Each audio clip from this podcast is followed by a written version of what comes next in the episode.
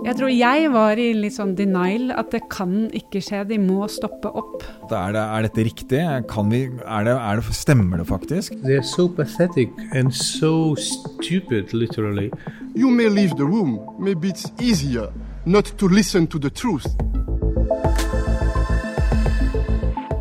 Har Ukraina-krigen pusha Sikkerhetsrådet ut i en eksistensiell krise? Russlands veto blokkerer alle Ukraina-resolusjoner. Og for oss på utsida ser verdens mektigste råd handlingslamma ut. Men er de egentlig det? Mitt navn er Therese Leine, og sammen med NUPI-forsker Nils Nagelhus Skia har Utenrikshospitalet dratt på feltarbeid for å ta fingeren på pulsen til FN. Hva er diagnosen?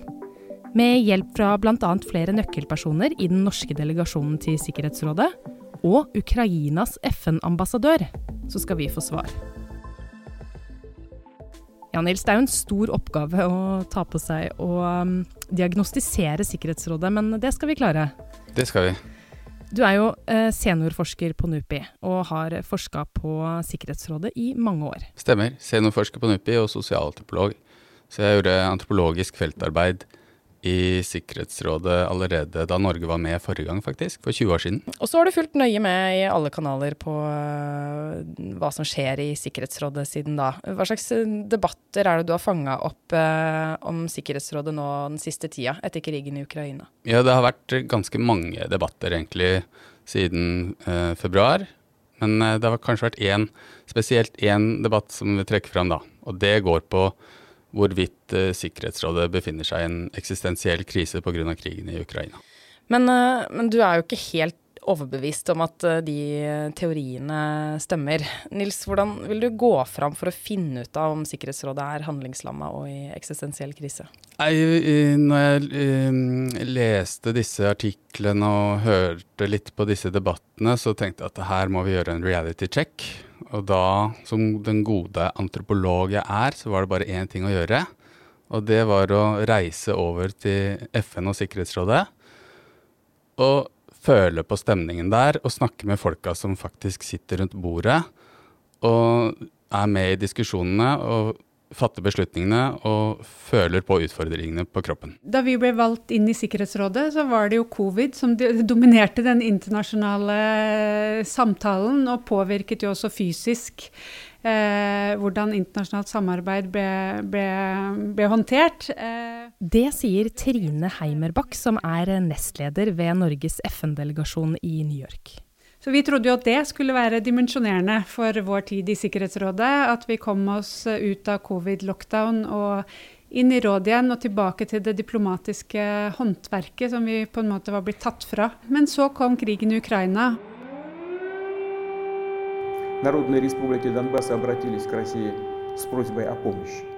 Og jeg er helt sikker på at uh, en krig, angrepskrig på europeisk jord, eh, som endrer så mye for oss som naboland til Russland, eh, er det som, eh, som, vil bli stående igjen som det viktigste i perioden. Og så håper jeg også at man kan bli vurdert på hvordan vi håndterte det, eh, og hva vi fikk til etterpå. For det vil være utslagsgivende på hvordan eh, internasjonalt samarbeid vil bli håndtert i en krig som kommer til å pågå en stund, ser det ut som. The next stop is 42nd Street. Det er mandag morgen, og vi har tatt Subwayen til Grand Central Station og New York-nabolaget Turtle Bay. Området er mest kjent for Chrysler Building og hele FN-komplekset.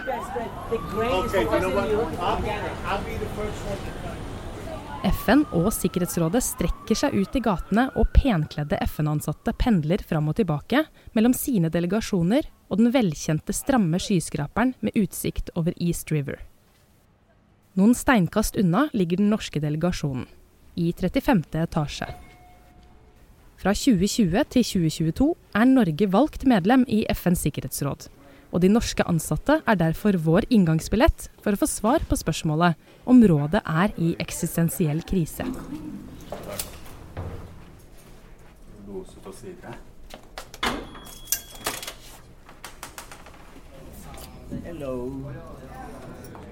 Det er tre navn jeg vil du skal merke deg spesielt i denne episoden. Det er Trine Heimerbakk, som du nettopp hørte, Einar Rystad, som du skal høre fra snart, og Mina Sayed, som kommer her.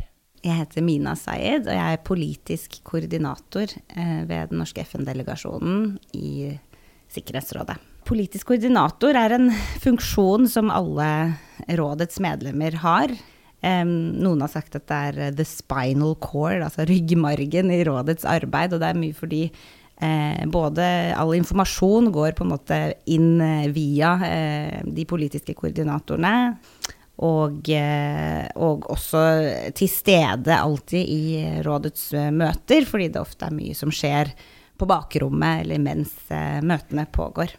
Vi snakker veldig mye med hverandre, og det er kanskje det som preger rådsarbeidet mest. Det er litt sånn utadrettet virksomhet, i tillegg til på en måte alt vi gjør Eh, med tanke på våre egne posisjoner, og gjennomarbeide dem og snakke med hovedstad og, og ambassader internt, så, så bruker vi mye tid på å snakke med de andre 14 kollegaene våre. Det norske UD-teamet i New York består av i overkant av 30 ansatte. Det betyr at enkelte personer har fått store arbeidsoppgaver. Ambassaderåd Einar Rystad fikk et langt større oppdrag i fanget enn det noen hadde sett for seg da Norge gikk inn i Sikkerhetsrådet 1.1.2020. På FN-delegasjonen har vi delt inn verden i tre. I Midtøsten, i Afrika og resten av verden. Og jeg var eh, på resten av verden-time, så for meg betydde det Latin-Amerika. Eh, Asia med primært eh, Myanmar, og de landene i Europa som var på Sikkerhetsrådets agenda. Så det var vanskelig, men, men ikke, vi trodde ikke det skulle være så mye å gjøre på Europaporteføljen. Etter at Europas nest største land ble invadert av Putin, så har Sikkerhetsrådet hatt rundt 20 møter om krigen. Ingen andre land eller konflikter i verden har hatt noe i nærheten av samme fokus. Men likevel, ingen resolusjoner har kommet ut av møtene rundt hesteskobordet. En mann som imidlertid alltid er til stede, er den ukrainske ambassadøren Sergij Kislitsja.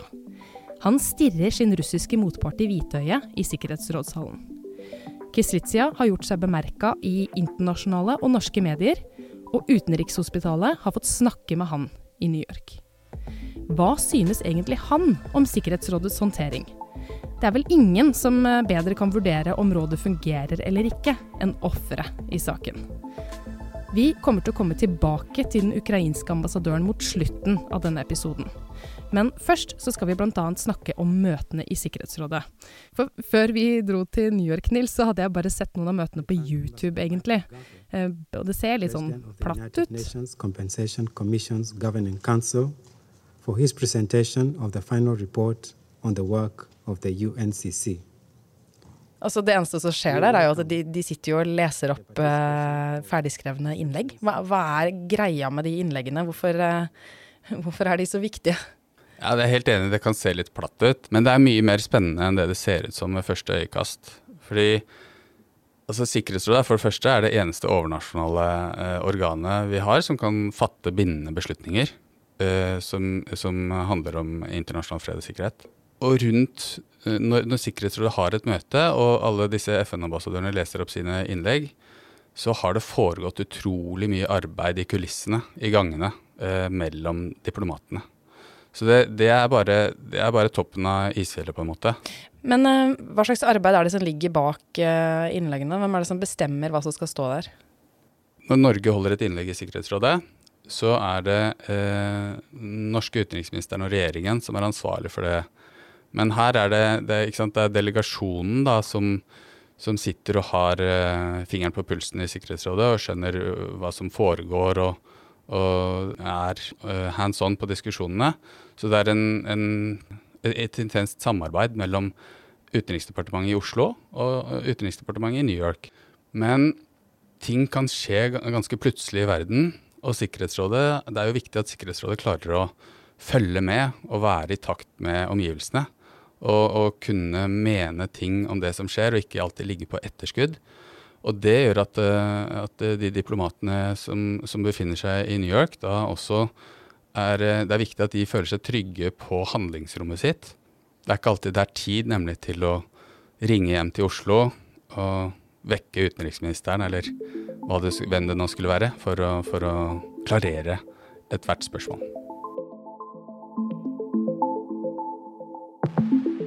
23.2 skjedde et av de mest dramatiske møtene i Sikkerhetsrådets historie. For mens rådet hadde hastemøte om Russlands opptrapping på grensen til Ukraina, så erklærte Putin krig.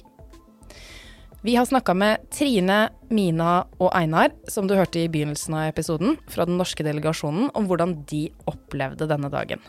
Det er disse personene, i tillegg til ambassadør Mona Juel, som satt med handa på rattet for Norge rundt hesteskobordet denne dagen. Eh, dagen før møtet hadde vi akkurat reist eh, på min første ferie siden i fjor eh, sommer. Opp på en kjøretur til Vermont for å stå på ski. Og jeg hadde tenkt i dagene før om jeg, om jeg kunne reise eller ikke, for vi visste jo at en mulig krig var nært forestående. Det var jo da innkalt til et såkalt emergency meeting. og det er alltid en spesiell stemning i Sikkerhetsrådet når generalsekretæren skal være til stede. Eh, men veldig selvfølgelig alvorspreget, og alle gikk og fulgte med på, på nyhetene på mobilen eh, konstant. Vi hadde skrevet et norskt norsk innlegg. Vi hadde konsultert med Oslo og fått det godkjent hjemme. Og møtet var arrangert under overskriften 'En trussel mot internasjonal fred og sikkerhet'. Så, så vi, var, eh, vi, var, klare til å holde et, et veldig sterkt norsk innlegg hvor vi advarte mot den russiske aggresjonen. Eh, og jeg tror det var veldig mange av oss som hadde vanskelig for å tro at allikevel, eh, på tross av hvor mye vi visste, eh, at, at, det kom til å skje. Så det var en veldig sånn eh, en, en, rar følelse over at vi sto foran noe nesten uvirkelig og veldig, veldig alvorlig. Det var sent om kvelden, og det er ikke så vanlig. Så bare det å komme inn da et møte en, en, en, en kveld, det var alvor uh, som prega situasjonen. Jeg fulgte jo dette møtet på, på PC-en min og UN Web TV, hvor du bare ser på møtet. Men så hadde jeg også på TV-en, hvor det var en split screen, altså Eh, halvparten av, eh, av, skjermen viste det pågående sikkerhetsrådsmøtet, og halvparten viste bilder fra Ukraina og reportere som sa at uh, Russland var i ferd med å gå inn. Så da var jeg i hvert fall veldig rask på å melde til mine kollegaer som satt i salen om at dette måtte vi forsøke å få med. Og så begynte da tekstmeldinger eh, og nyhetsoverslag å tikke inn og så er krigen i gang. Så, så det var en helt, eh, helt, merkelig og veldig veldig spesiell situasjon å sitte der. Nei, Det liksom gikk noen sekunders uh, undring på at er, det, er dette riktig? Vi, er det, er det, stemmer det faktisk? Vi var fremdeles litt i tvil, selv om, selv om alle signalene var der. Så var vi, liksom, håpet vi at det egentlig ikke var, var virkelig. Jeg tror jeg var i litt sånn denial, at det kan ikke skje, de må stoppe opp. Det var uvirkelig. Eh, at vi sitter i Sikkerhetsrådet når eh, vårt naboland angriper eh, et annet land i Europa, var på en måte helt utenkelig bare noen måneder tidligere. Først og fremst så tenkte jeg jo at det var helt forferdelig at det skjedde. For selv om vi hadde forberedt oss godt og veldig lenge, så tror jeg veldig mange håpet på at det ikke ville skje, og ikke var sant. Og skulle vi tørre å, å, å endre innlegget eh, til, til, å fordømme det som hadde skjedd, og ikke bare advare mot at det skulle skje, da, da, måtte vi bare sitte liksom, finne fram pennen og innlegg og hviske og, og, tiske mens andre eh, snakket, og, og, og, skrive om da innlegget.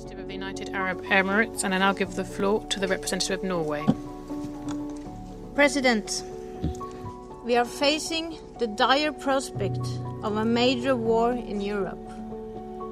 Norway strongly condemns the decision by President Putin to send Russian troops into Donetsk and Luhansk regions Det ble jo til at Norge var den, Mona var den første som kommenterte at eh, det som faktisk pågikk utenfor rommet, eh, og reflekterte det i, i innlegget sitt. Og, og, så var det jo da flere land som kom inn igjen etterpå, da de skjønte hva som hadde skjedd, og holdt nye innlegg i diskusjonen. Og eh, Ukrainas ambassadør var der også. Han fikk jo også meldinger på sin telefon og liksom løftet telefonen og viste det, viste det over salen til den russiske ambassadøren og liksom Se her nå. You have a smartphone, you can call Lavrov right now. We can make a pause to let you go out and call him. And I ask the members of Security Council to convene an emergency meeting immediately and consider all necessary draft decisions to stop the war. Because it's too late, my dear colleagues, to speak about de escalation. Too late. The Russian president declared a war on the record. Should I play the video of your president? Ambassador, shall I do that right now, or you can confirm it? Do not interrupt me, please. Thank you. Then don't ask me questions when you are speaking. Proceed with your, proceed with your statement. Anyway, you declare the war. It is the responsibility of this body to stop the war. Det er Sikkerhetsrådets oppgave å stoppe denne krigen. Det sier den ukrainske ambassadøren til FN. Eh, hvordan har det gått, Nils? Nei, Sikkerhetsrådet har jo ikke klart den oppgaven. Eh, det, det, må vi kunne si. Men det er kanskje litt upresist også å si at, eh, at Sikkerhetsrådets rolle er å stanse denne krigen. da. Altså Sikkerhetsrådets hovedoppgave er jo, som vi har sagt, at, å ivareta internasjonal fred og sikkerhet. Og det har noen verktøy. Eh, så er det et overnasjonalt organ som kan fatte bindende beslutninger som alle land må, må, er pliktige til å følge opp. Men det har ikke ubegrenset makt. Det har ikke, det har ikke et sterkt militære som f.eks. som er i stand til å slå tilbake Russland. Det, det, kan gjøre enkelte militære operasjoner, men det er ikke i nærheten av å kunne møte russiske militære. Hvilke andre verktøy er det Sikkerhetsrådet kan benytte seg av, da? Det kan, det kan, oppfordre til forhandlinger og megling, men da må det være interesse av dette på bakken. Så partene må være interessert, interessert i å, å, prate sammen, mm. og det ser vi ikke. Så de, de verktøyene de er heller ikke eh, Det er for tidlig egentlig for FN å kunne benytte seg av de. Eh, det kan også da sende, sende, fredsoperasjoner. Men hvis FN skal gjøre det, så eh, må det i det minste være en eh, våpenhvile, og helst en fredsavtale. I tillegg til disse tre eh, redskapene, så har jo også Sikkerhetsrådet mulighet til å vedta sanksjoner mot et land som, som truer internasjonal fred og sikkerhet. Det får ikke Sikkerhetsrådet til nå, fordi Russland sitter der og kan blokkere noe sånt nå gjennom vetoretten. Mm. Så nå skal jeg prøve å huske hvem som har vetorett. Det er USA, Frankrike, Storbritannia, Kina og Russland. Veldig bra. Ti ja. poeng. Tusen takk. Eh, så det betyr at hver enkelt av dem kan blokkere enhver beslutning eller resolusjon i Sikkerhetsrådet. Ok, Så man kan jo fort da tenke at det, det, ikke skjer noe på uh, Ukraina-krigen i Sikkerhetsrådet. Men uh, da vi var uh, i New York og besøkte FN, så fikk jo vi se et ganske annet bilde. For det skjer jo masse. Det er nettopp det. Det skjer masse. Og, og, nå sa jeg jo nettopp eh, at Sikkerhetsrådet hadde en del verktøy i verktøykassa. Men jeg eh, lot være å, å, å, nevne et veldig viktig verktøy.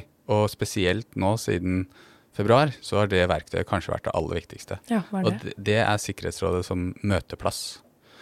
Altså Det eneste stedet i verden uh, hvor Russland og Ukraina sitter og snakker sammen akkurat nå, det er i Sikkerhetsrådet. Det kringkastes også hva som blir sagt, hva de ulike landene mener om denne situasjonen via uh, ja, UN Web TV. De kringkaster dette live. Eh, og, og, pressen får med seg det som skjer og det som sies, og skriver om det. Så, så det, det, går verden rundt. Det har vært en del nyheter i russiske medier i dag om at nå skal russerne tillate eksport ut, men det er jo igjen da fra russiske medier, så ja. Og eh, vi fikk jo være med på et av disse Ukraina-møtene. Det ble ganske dramatisk. Eh, omtrent så dramatisk som man kan få det i Sikkerhetsrådet. Ja, jeg så det du sier, og for sier det er liksom shocking, og det er fordi den type liksom Nils, det som skjedde på det møtet som eh, Trine Heimerbakk og hennes eh, presseråd Astrid Sehl her forbereder seg på, det var det flere i Sikkerhetsrådssalen som reagerte på. Hva var det som skjedde? Alle landene hadde holdt uh, hvert sitt innlegg, alle de 15 medlemslandene. Uh, og så etter det så ble Ukraina invitert til å holde sitt innlegg, som det alltid gjør når Sikkerhetsrådet diskuterer Ukraina, fordi de er en part i konflikten. Men etter det igjen så var da presidenten av Det europeiske råd, Charles Michel, også invitert til å holde et innlegg om uh, Ukraina-krigen. Og det uh, ble både ganske sterkt. Og, og også, han henvendte seg også personlig da, til, til, den russiske ambassadøren. Mr. Ambassador of the Russian Federation, let's be honest. Eh, og la skylden på Russland for bl.a. Eh, for ganske mye, men også for den globale matkrisen. Russian tanks, Russian bombs and mines that are preventing Ukraine from planting and harvesting. The Kremlin is also targeting grain storages and stealing grain in Ukraine while shifting the blame on others. Og midt i dette her da, så smalt uh, russiske ambassadøren i bordet, uh, klappa sammen laptopen, reiste seg og tok med seg delegasjonen sin i protest og marsjerte ut av salen. You may leave the room. Maybe it's easier not to listen to the truth, the ambassador. Jeg vil si at det er eh, Det var det mest um voldsomme møtet vi har hatt egentlig siden Ukraina-krigen brøt ut i Sikkerhetsrådet. Vi har hatt 23 møter. Vi har klart å holde vil jeg si, en sivil eh, tone i Sikkerhetsrådet, på tross av at det er eh, en aggressor eh, som sitter der med, på et permanent sete. Eh, men allikevel så har det jo vært det stedet i verden hvor eh, faktisk Russland sitter eh, og må høre på både oss andre som fordømmer krigen igjen og igjen, og må også lytte til uh, Ukraina, som uh, kommer med sine tilsvar og sin side av saken på hvert eneste møte. Det virker jo som at man kan ta og føle på den internasjonale spenninga inne i Sikkerhetsrådssalen. Men det er jo ikke i, rundt hesteskobordet eh, hvor alt det viktige skjer på Ukraina-krigen, Nils. Nei, det er ikke det pga.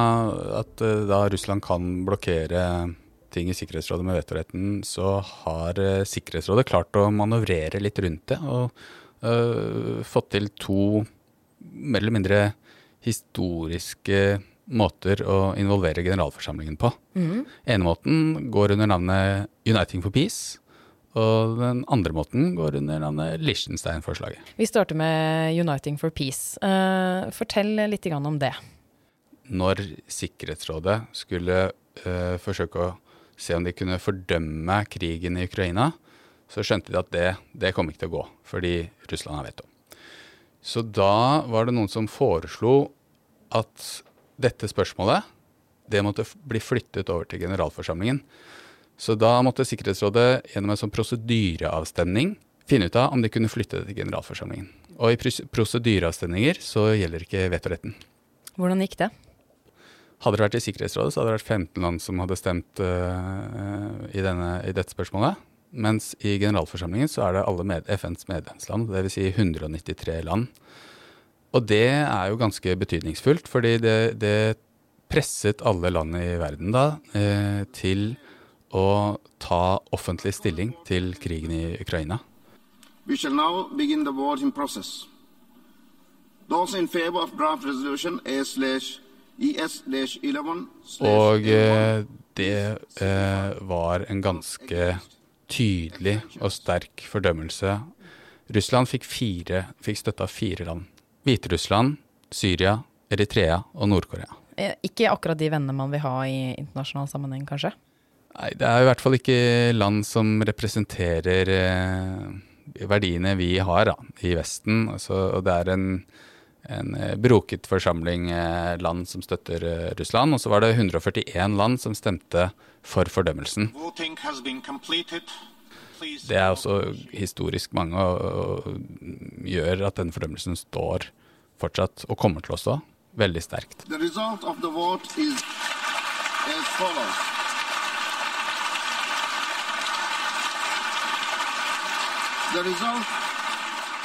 Og det du hører her, det er uvanlig. I en ellers så ganske beherska forsamling så klapper delegatene så voldsomt at ordstyreren ikke får snakka. På Victoria terrasse i Oslo så sitter Andreas Løvold og følger med på hva som skjer i FN-bygget. Han er leder for sikkerhetsrådsenheten i UD i Norge. Og den geografiske distansen det gir han et godt overblikk over prosessene og de små reformene i FN. Han mener at vi må ha beina godt planta på jorda når vi snakker om Sikkerhetsrådet. Vi må være realistiske. Hva kunne Sikkerhetsrådet gjøre? Vel, vi prøvde da først å fordømme dette angrepet med en resolusjonstekst. Vi var forberedt på at Russland da ville blokkere den gjennom å legge ned veto. For hadde de ikke gjort det, så hadde de fordømt seg selv. Uh, og da hadde vi en plan uh, klar om å ta saken videre til generalforsamlingen.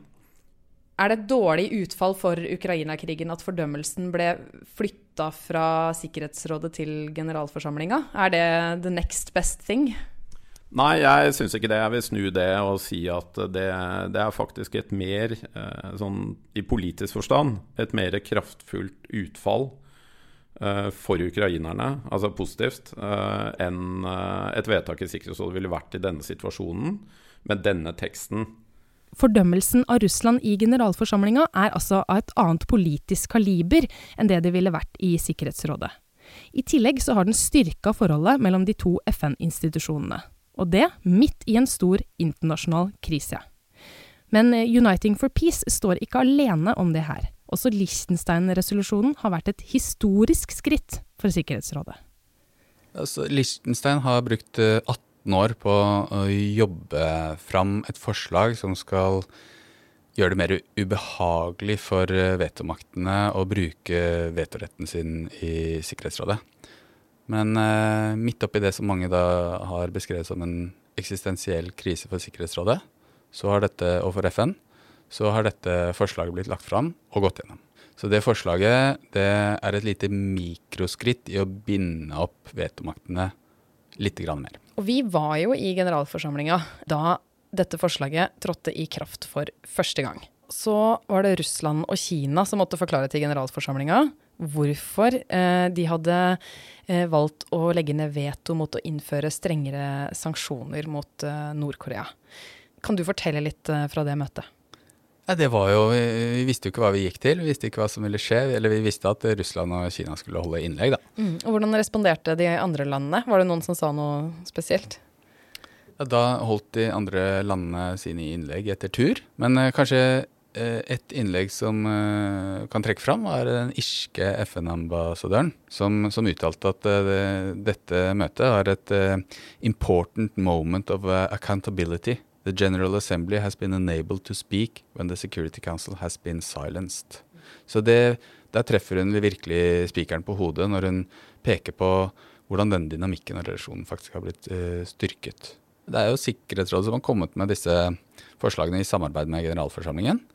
Så De har klart å finne da løsninger selv i denne krevende situasjonen med et ekstremt dårlig internasjonalt samarbeidsklima. Men hvordan påvirker det, dette dårlige samarbeidsklimaet mellom medlemmene i Sikkerhetsrådet andre saker? Altså, en måte å se på hvorvidt det er spillovereffekter på andre saker i Sikkerhetsrådet, er jo å se på uh, ansvarsoppgavene til Norge Eh, Norge er leder for eh, sanksjonskomiteen for Nord-Korea og sanksjonskomiteen på ISIL og Al Qaida. I tillegg så er vi penneholdere for eh, Afghanistan og, og den humanitære situasjonen i Syria. Dvs. Si at Norge leder an disse sakene i Sikkerhetsrådet. Now that we compartmentalize uh, the Syria file, nothing, you know, no links to Ukraine on their behalf so far. Uh, I tillegg til det så uh, har Norge også ansvar for ekspertgruppen på klimasikkerhet sammen med Kenya. Men hvordan har det da gått med disse andre sakene etter at Russland gikk til angrepskrig? Det har um, vært mye snakk om det vi refererer til som Ukraine polluting, eller spillover-effekt fra krigen. Eh, og vi har vært veldig bevisste på at um, vår håndtering og, og våre uttalelser skal være, være, veldig veldig tydelige med hensyn til krigen i Ukraina. Samtidig så må vi som Norge ta ansvar for resten av rådets agenda og passe på at krigen ikke får så alvorlige globale samarbeidsproblemer at ikke vi eh, får gjort det vi skal med hensyn til andre alvorlige kriser som fortsetter i verden, uavhengig av Ukraina, eh, og hvor det er viktig at alle rådets medlemmer deltar i, i behandlingen eh, av sakene. Andreas Løvold i Oslo påpeker også at det er blitt jobba hardt for å skille de ulike sakene, og at Ukraina-krigen ikke skal få påvirke alt som skjer i rådet. Eh, fra norsk side arbeider vi veldig aktivt for å hindre uh, mulig spillover, altså negative effekter, da, uh, fra behandlingen i rådet, møtene i rådet om uh, Ukraina-krigen, på andre saker som vi mener selvfølgelig fortjener å bli behandlet i sitt største alvor. Så retorikken er hardere, men det har ikke påvirket, sånn allment i hvert fall, evnen til rådet til å ta beslutninger som er det viktigste rådet gjør, og det er å vedta resolusjoner. NUPI-forsker Nils er langt på vei enig i det. Det, altså, det har vært spillovereffekt på den måten at uh, dynamikken, samtalene, har blitt preget av et dårlig samarbeidsklima. Men uh, beslutningsdyktigheten har ikke blitt uh, da preget av spillover-effekt. Hvordan kan du se det? Vi kan jo f.eks. altså Enkleste måten å se på det er hvor mange mm, resolusjoner Sikkerhetsrådet har vedtatt i år, sammenlignet med samme tid i fjor. Og der ligger Sikkerhetsrådet omtrent akkurat likt. Vi har jo gått gjennom flere punkter som viser at det skjer mye i Sikkerhetsrådet og FN enn det mange av oss tror, altså til tross for uh, Ukraina-krigen. Um, men kan du oppsummere dette her for oss, eh, Nils, sånn at vi får det med oss? Ja, det kan jeg. Altså de, de viktigste bevisene, på en måte, da, som vi kan uh, trekke fram, for, som, som er et motsvar til alle de som mener at FN en, og Sikkerhetsrådet er i en eksistensiell krise, det er da først og fremst denne dynamikken som vi har snakket om mellom generalforsamlingen og Sikkerhetsrådet. Altså dvs. Si Liechtenstein-forslaget og, og, Uniting for Peace. Det andre er eh, nettopp dette her med Sikkerhetsrådet som møteplass. Altså det er det eneste stedet i verden hvor Russland og Ukraina nå snakker sammen. Og alt som blir sagt i disse møtene, det er det kringkastes og dokumenteres. Ligger der for ettertiden. I tillegg så er det jo det vi nettopp sa, om at uh, Sikkerhetsrådet har vedtatt omtrent akkurat like mange resolusjoner i år som i fjor. På, på en måte så kan vi da si at Sikkerhetsrådet er like handlingsdyktig eh, i år som i fjor. Mm. Ok, Nils. Uh, så etter å ha gjennomført uh, et minifeltarbeid i den norske delegasjonen til Sikkerhetsrådet, i Sikkerhetsrådet, i generalforsamlinga, vil du si som forsker at Sikkerhetsrådet er i eksistensiell krise? Nei. Snarere tvert imot, kanskje. Altså, Sikkerhetsrådet viser handlingsdyktighet og manøvreringsdyktighet midt oppe i en stor internasjonal krise av historiske dimensjoner. Så det, det tenker jeg at det viser styrke for Sikkerhetsrådet. Mm. Du som forsker er altså overbevist om at Sikkerhetsrådet er eh, fleksibelt eh, og i stand til å eh, handle i tilsynelatende eh, fastlåste situasjoner. Men ikke et vondt ord om deg, men en som virkelig er i posisjon for å uttale seg om dette her, eh, det er jo eh, nettopp Ukraina. Så da vi dro til, eh, til, FN, så satte vi oss et mål eh, om å få den ukrainske FN-ambassadøren i snakk. Og vi mente da at han kunne gi oss en fasit på dette spørsmålet.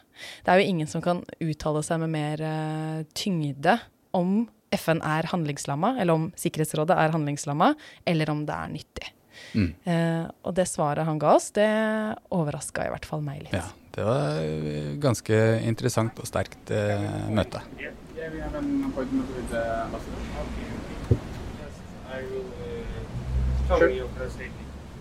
Mange av FN-delegasjonene i Turtle Bay har kontorer i skyskraperne. Men Ukraina er godt plassert på bakkeplan bak en massiv inngangsdør. En liten sjekk av ID-en, og så er vi inne i et venterom med dype, myke stoler, peis, flagg og store malerier. Ambassadørens Yorkshire terrier kommer løpende med en liten bjelle rundt halsen for å ta imot sine norske gjester. Vi blir plassert rundt et blankt, langt møtebord, og ambassadør Kyslitsia kommer gående og ber oss sette oss hvor vi vil. So, what is it like for you to to sit uh, in the same room as your Russian counterpart and discuss the ongoing war in your country? Right. Okay. I mean, uh, but from the point of view of doing my job, I have to be there, you know. And uh, I said uh, on many occasions, both to my family, my friends, and my colleagues, I mean, I can't afford emotionally engage uh, because if I, if you emotionally engage on whatever issue, and you know it from your own uh, life, you drain yourself and your energy for no reason, you know. And uh, if you drain your energy, you you can't perform your job. So basically, I have to be there. I'm there. I listen carefully to what uh, Putin's envoys say, and on multiple occasions, um, they just uh, provide me with opportunities uh, to kill their narrative. Because I mean, some of the examples uh, they use, or some of the narratives they use, they are so pathetic and so stupid, literally, that they basically present me with an opportunity. Uh, in what way is the Security Council useful for Ukraine in this situation? You know, even if the Security Council cannot pass any meaningful decision on Ukraine uh, when it comes to stopping the war, it is still very important because uh, it is the only global platform where the war is discussed regularly. I mean, and it is not only that it is discussed regularly, it is also that Russia is publicly exposed. So basically, you know, funny enough, it's just the Security Council that is broadcasted worldwide. They are all on record, right? So, like in Miranda rule, you know, when uh, someone is arrested, they are uh, given this uh, notice that everything you say may and will be used against you in, in court. You know, so I'm very happy, by the way, that uh, Russians are sitting in Security Council. Uh, they drool all those lies. They go on record, and I'm sure that the time will come when all those records will be pulled out and they can't they, they wouldn't be in a position to deny what they were saying so you know uh, the fact uh, that the security council is not hollywood and uh, no happy end uh, during uh, after every single meeting doesn't mean that the security council is intrinsically bad institution what makes it bad is totally irresponsible attitude of just one member. But to use a very simplified uh, example, you do not change the traffic rules because one driver persistently uh, uh, disregard the traffic rules. You know, you just have to remove the this driver from uh, from the thoroughfare. Man endrer ikke trafikkreglene fordi det er én sjåfør som ikke følger dem. Dette er et bilde ambassadøren bruker jevnlig for å forklare hvordan han ser på Russlands opptreden i Sikkerhetsrådet, og at Sikkerhetsrådet likevel fungerer godt. The Security Council is there, you know, and it provides a lot of uh, opportunities. And also, what is very important, I mean, when we criticize uh, the United Nations, we criticize ourselves. because uh, the United Nations is not a building. I mean, it's not a secretariat. So it's an assembly of nations and it's assembly of leadership and governments. So if we blame the United Nations, we have to look at ourselves first, and we have to ask Kiev, Paris, Oslo if uh, governments in those countries give the right instructions uh, to the delegates uh, who vote either in the General Assembly or its committees or in the Security Council. But if you if you uh, say to the Norwegian taxpayer, uh, what is the most useful thing with the Security Council in the middle of this international crisis? I can make a bet with you, um, uh, even not knowing the scale of contributions for Norway. I can make a bet that your public has no idea how inexpensive your membership is in uh, in the United Nations. Seriously. You know, when I talk to my politicians from my country, I tell them what we pay to regular budget is less than one fifth of the price of a cup of coffee in Kiev per person per year per capita. You know, so when you tell me, I tell politicians that our membership is, incre- is incredibly expensive. What the hell we are doing here, spending money? It's bullshit. To because uh, you, how many cups of coffee you have? Three. It's like then probably twenty memberships of Ukraine in the United Nations per capita. But the return, what the UN does to Ukraine in terms of humanitarian assistance, in terms of uh, helping with the reforms, of course, you pay much more than Ukraine does, uh, based on uh, GDP of Norway and uh, things like that. But I'm sure that it is negligible compared to how much Norwegians pay for gas for a glass of beer in Oslo. You know, seriously. Vi dro ut til FN for å finne ut uh, av om uh, vi kunne sette diagnosen eksistensiell krise på Sikkerhetsrådet. Og som vi hørte, så var jo vitnemålet fra den ukrainske FN-ambassadøren kanskje det sterkeste beviset man kan få på at Sikkerhetsrådet fortsatt spiller en viktig rolle når det gjelder internasjonal fred og sikkerhet. Betyr det at Sikkerhetsrådet kan friskmeldes, Nils? Ja, jeg syns det, det friskmeldes blir kanskje litt upresist, fordi det har jo ikke vært sykt, vil jeg si.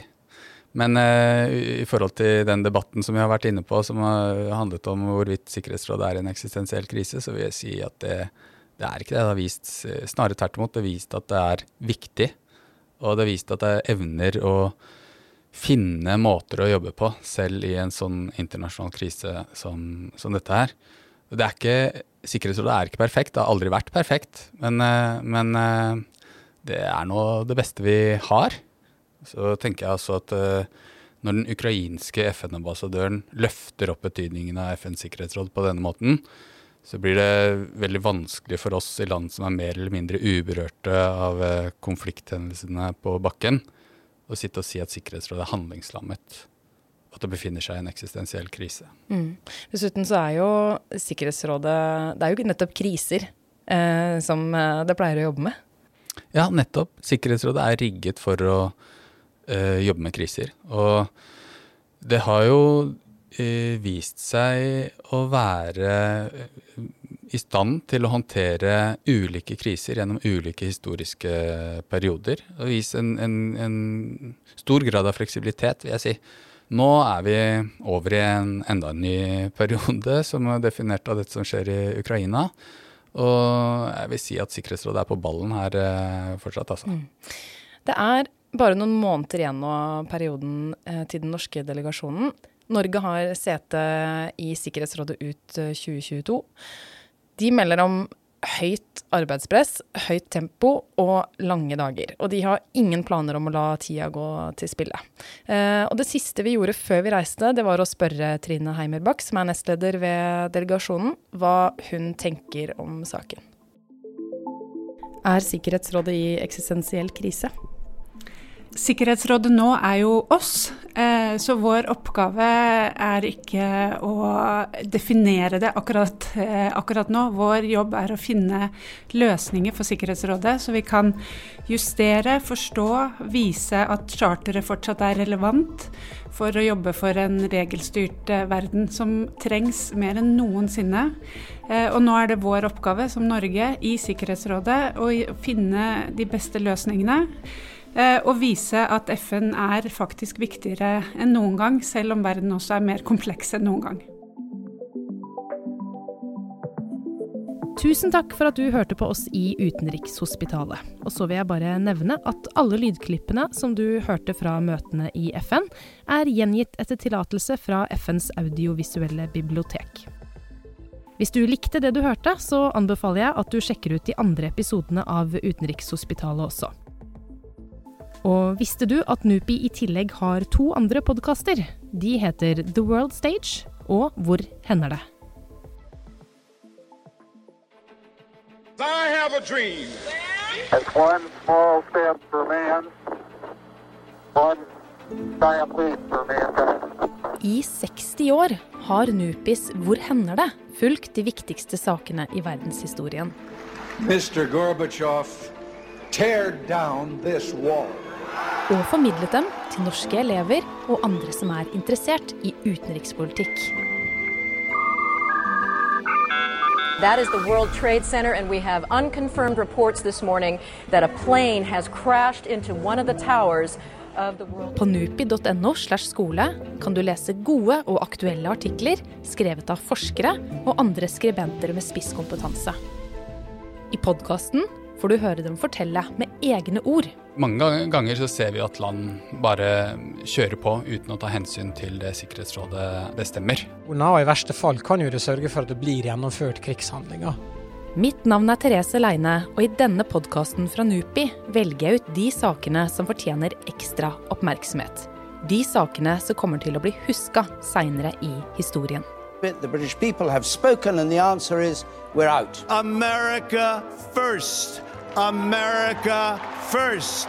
We are in the beginning of a mass extinction, and all you can talk about is money and fairy tales of eternal economic growth. How dare you! Hvis du setter av noen få minutter av tida di, får du bli med inn i dybden av det mest spennende som skjer i verden akkurat nå. Gå inn på Acast, Spotify eller Apple sin podkast-app og søk på Hvor hender det?